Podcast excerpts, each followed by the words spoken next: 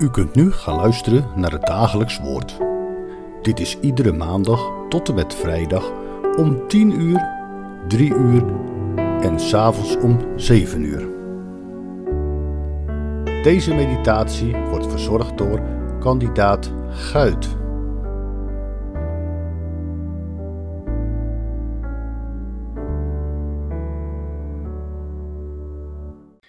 Welkom bij het dagelijks woord en we gaan verder lezen in Psalm 57 en dan nu het tweede gedeelte. En om eerlijk te zijn dacht ik eerst, hey, is die indeling wel goed?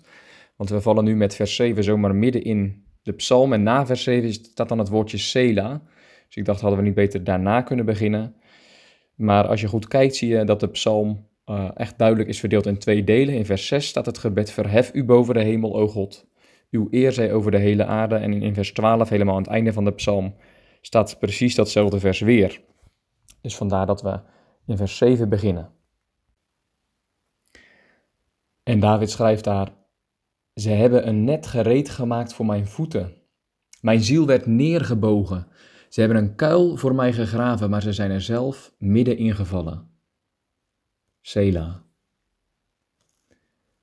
Mijn hart is bereid, o God. Mijn hart is bereid. Ik zal zingen.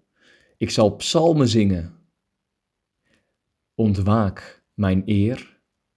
Calvijn vertaalt met mijn tong. Ontwaak luid en harp. Ik zal de dageraad doen ontwaken. Ik zal u loven onder de volken, heren. Ik zal voor u psalmen zingen onder de natieën. Want uw goede tierenheid is groot tot aan de hemel, uw trouw tot de wolken. Verhef u boven de hemel, o God. Uw eer zij over de hele aarde.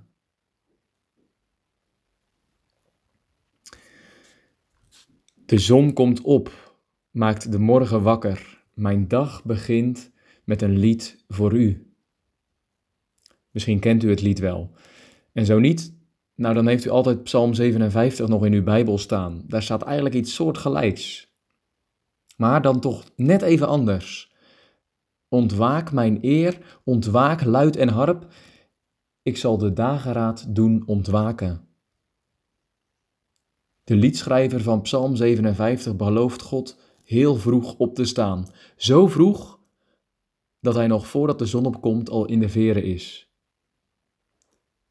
Het is alsof hij zegt: Normaal maakt inderdaad de zon de morgen wakker, hè, zoals in dat lied. Maar nu ben ik eerst. Ik zal de dageraad doen ontwaken. Of zoals in de Bijbel in gewone taal: Ik zal de zon wakker maken met mijn lied. En het is een bijzonder lied. In het opschrift van de psalm van, van David staat een gouden kleinoot van David.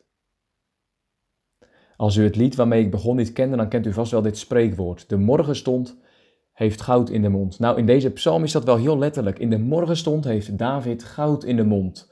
Een gouden kleinoot van David. Mag ik u eens vragen, hoe bent u vanmorgen uit bed opgestaan?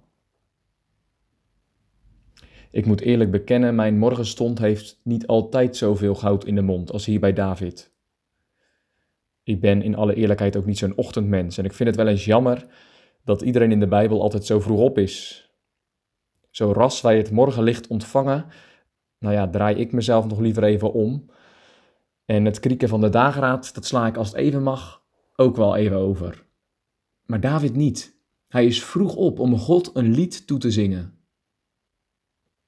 Als ik me goed herinner, heeft Henk Binnendijk eens verteld dat hij wel eens ter neergedrukt is als hij wakker wordt. En zodra hij dat merkt, begint hij ochtends vroeg al een lied te zingen. God en God alleen. Een God zo groot als hij is er niet één. Je dag beginnen met een lied voor God, dat geeft blijkbaar een hele andere kleur aan je dag. En trouwens, niet alleen aan de dag van jezelf. Het viel me op bij het lezen van de psalm dat dit bepaald geen privélied is.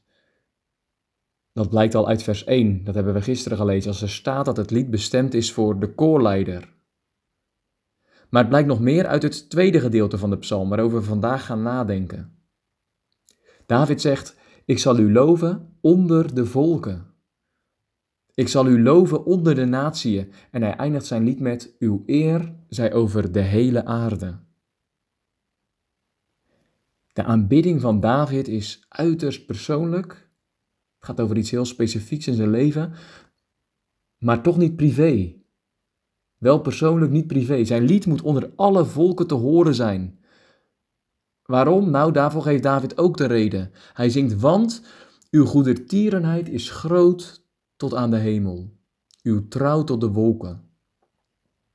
Gods goedheid is blijkbaar geen privé-eigendom van David, niet iets van een klein clubje mensen of van een persoon op zichzelf.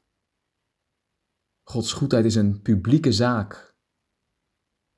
En daarom Davids aanbidding ook. Ik vroeg u net, hoe bent u vanmorgen opgestaan? Maar ik wil er eigenlijk nog wel een vraag aan toevoegen. Hoe bent u vanmorgen op uw werk gearriveerd? Of, als u niet werkt, hoe hebt u vanmorgen uw buurman begroet?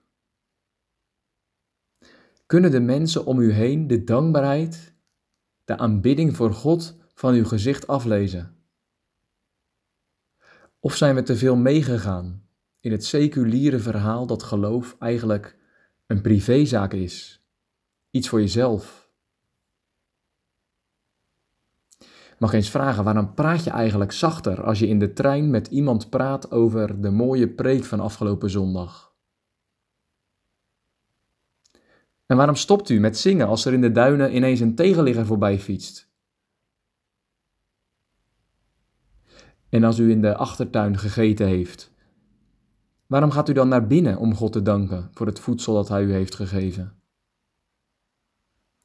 U zegt ja, zo vrijmoedig ben ik niet. En mijn omstandigheden zijn er ook niet naar om te zingen. Maar als u gisteren heeft geluisterd naar dagelijks woord, dan weet u dat de omstandigheden van David er ook niet naar waren. In vers 5 zingt hij: Mijn ziel verkeert te midden van leeuwen. Ik lig tussen mensen die verzengen als vuur. En vandaag lazen we: Ze hebben een net gereed gemaakt voor mijn voeten. Mijn ziel werd neergebogen. Niet zonder reden begint David zijn lied daarom met een dubbel gebed om genade. Wees mij genadig, o God, wees mij genadig. Maar ondanks die omstandigheden vervolgt hij zijn lied met een dubbele belofte. Hij begon met een dubbel gebed, nu met een dubbele belofte gaat hij verder. Mijn hart is bereid, o God, mijn hart is bereid. In dat woordje bereid zit iets van voorbereiding, toebereiding. David begint niet zomaar te zingen. Christelijke aanbidding is niet zomaar je hoofd in het zand steken en dan een psalm beginnen te zingen. Het kost soms enige moeite voorbereiding, oefening, ook enige afhankelijkheid. Maar dan heb je ook wat. Een lied voor God dat tegelijkertijd een lied voor de wereld is, misschien wel tegen alle omstandigheden in, zoals hier bij David. Ik zal zijn lof, zelfs in de nacht, zingen, daar ik hem verwacht. Nog één vraag dan. Hoe stapt u vanavond in bed? Vol weeklacht en geschrei? Dat kan. En dat mag natuurlijk ook, dat hoeven we niet weg te poetsen. Maar bent u zich ook van zere trouw bewust, zoals David hier uw trouw reikt tot aan de wolken? Bent u zich ervan bewust, ook in de omstandigheden van uw leven nu? Zo niet? Dan bidden we erom. Bidt u mee? Heren, al reizen de omstandigheden op aarde of in ons leven, heel persoonlijk, de pan uit. Uw trouw is groter, die rijdt tot aan de hemel. En daarom loven we u. En we bidden u ook om zicht daarop. Als ons hoofd misschien vandaag vol is van de omstandigheden, dan bidden we u dat u ons hart richt op u en op uw trouw. We bidden u ook om vrijmoedigheid, om u te loven, niet alleen thuis of in de kerk, maar in heel onze handel en onze wandel, op de straat en op verjaardag, op het werk en in de achtertuin. Heren, wilt u vandaag ons neurieën gebruiken om een ander te doen zingen. Dat bidden wij in Jezus' naam. Amen.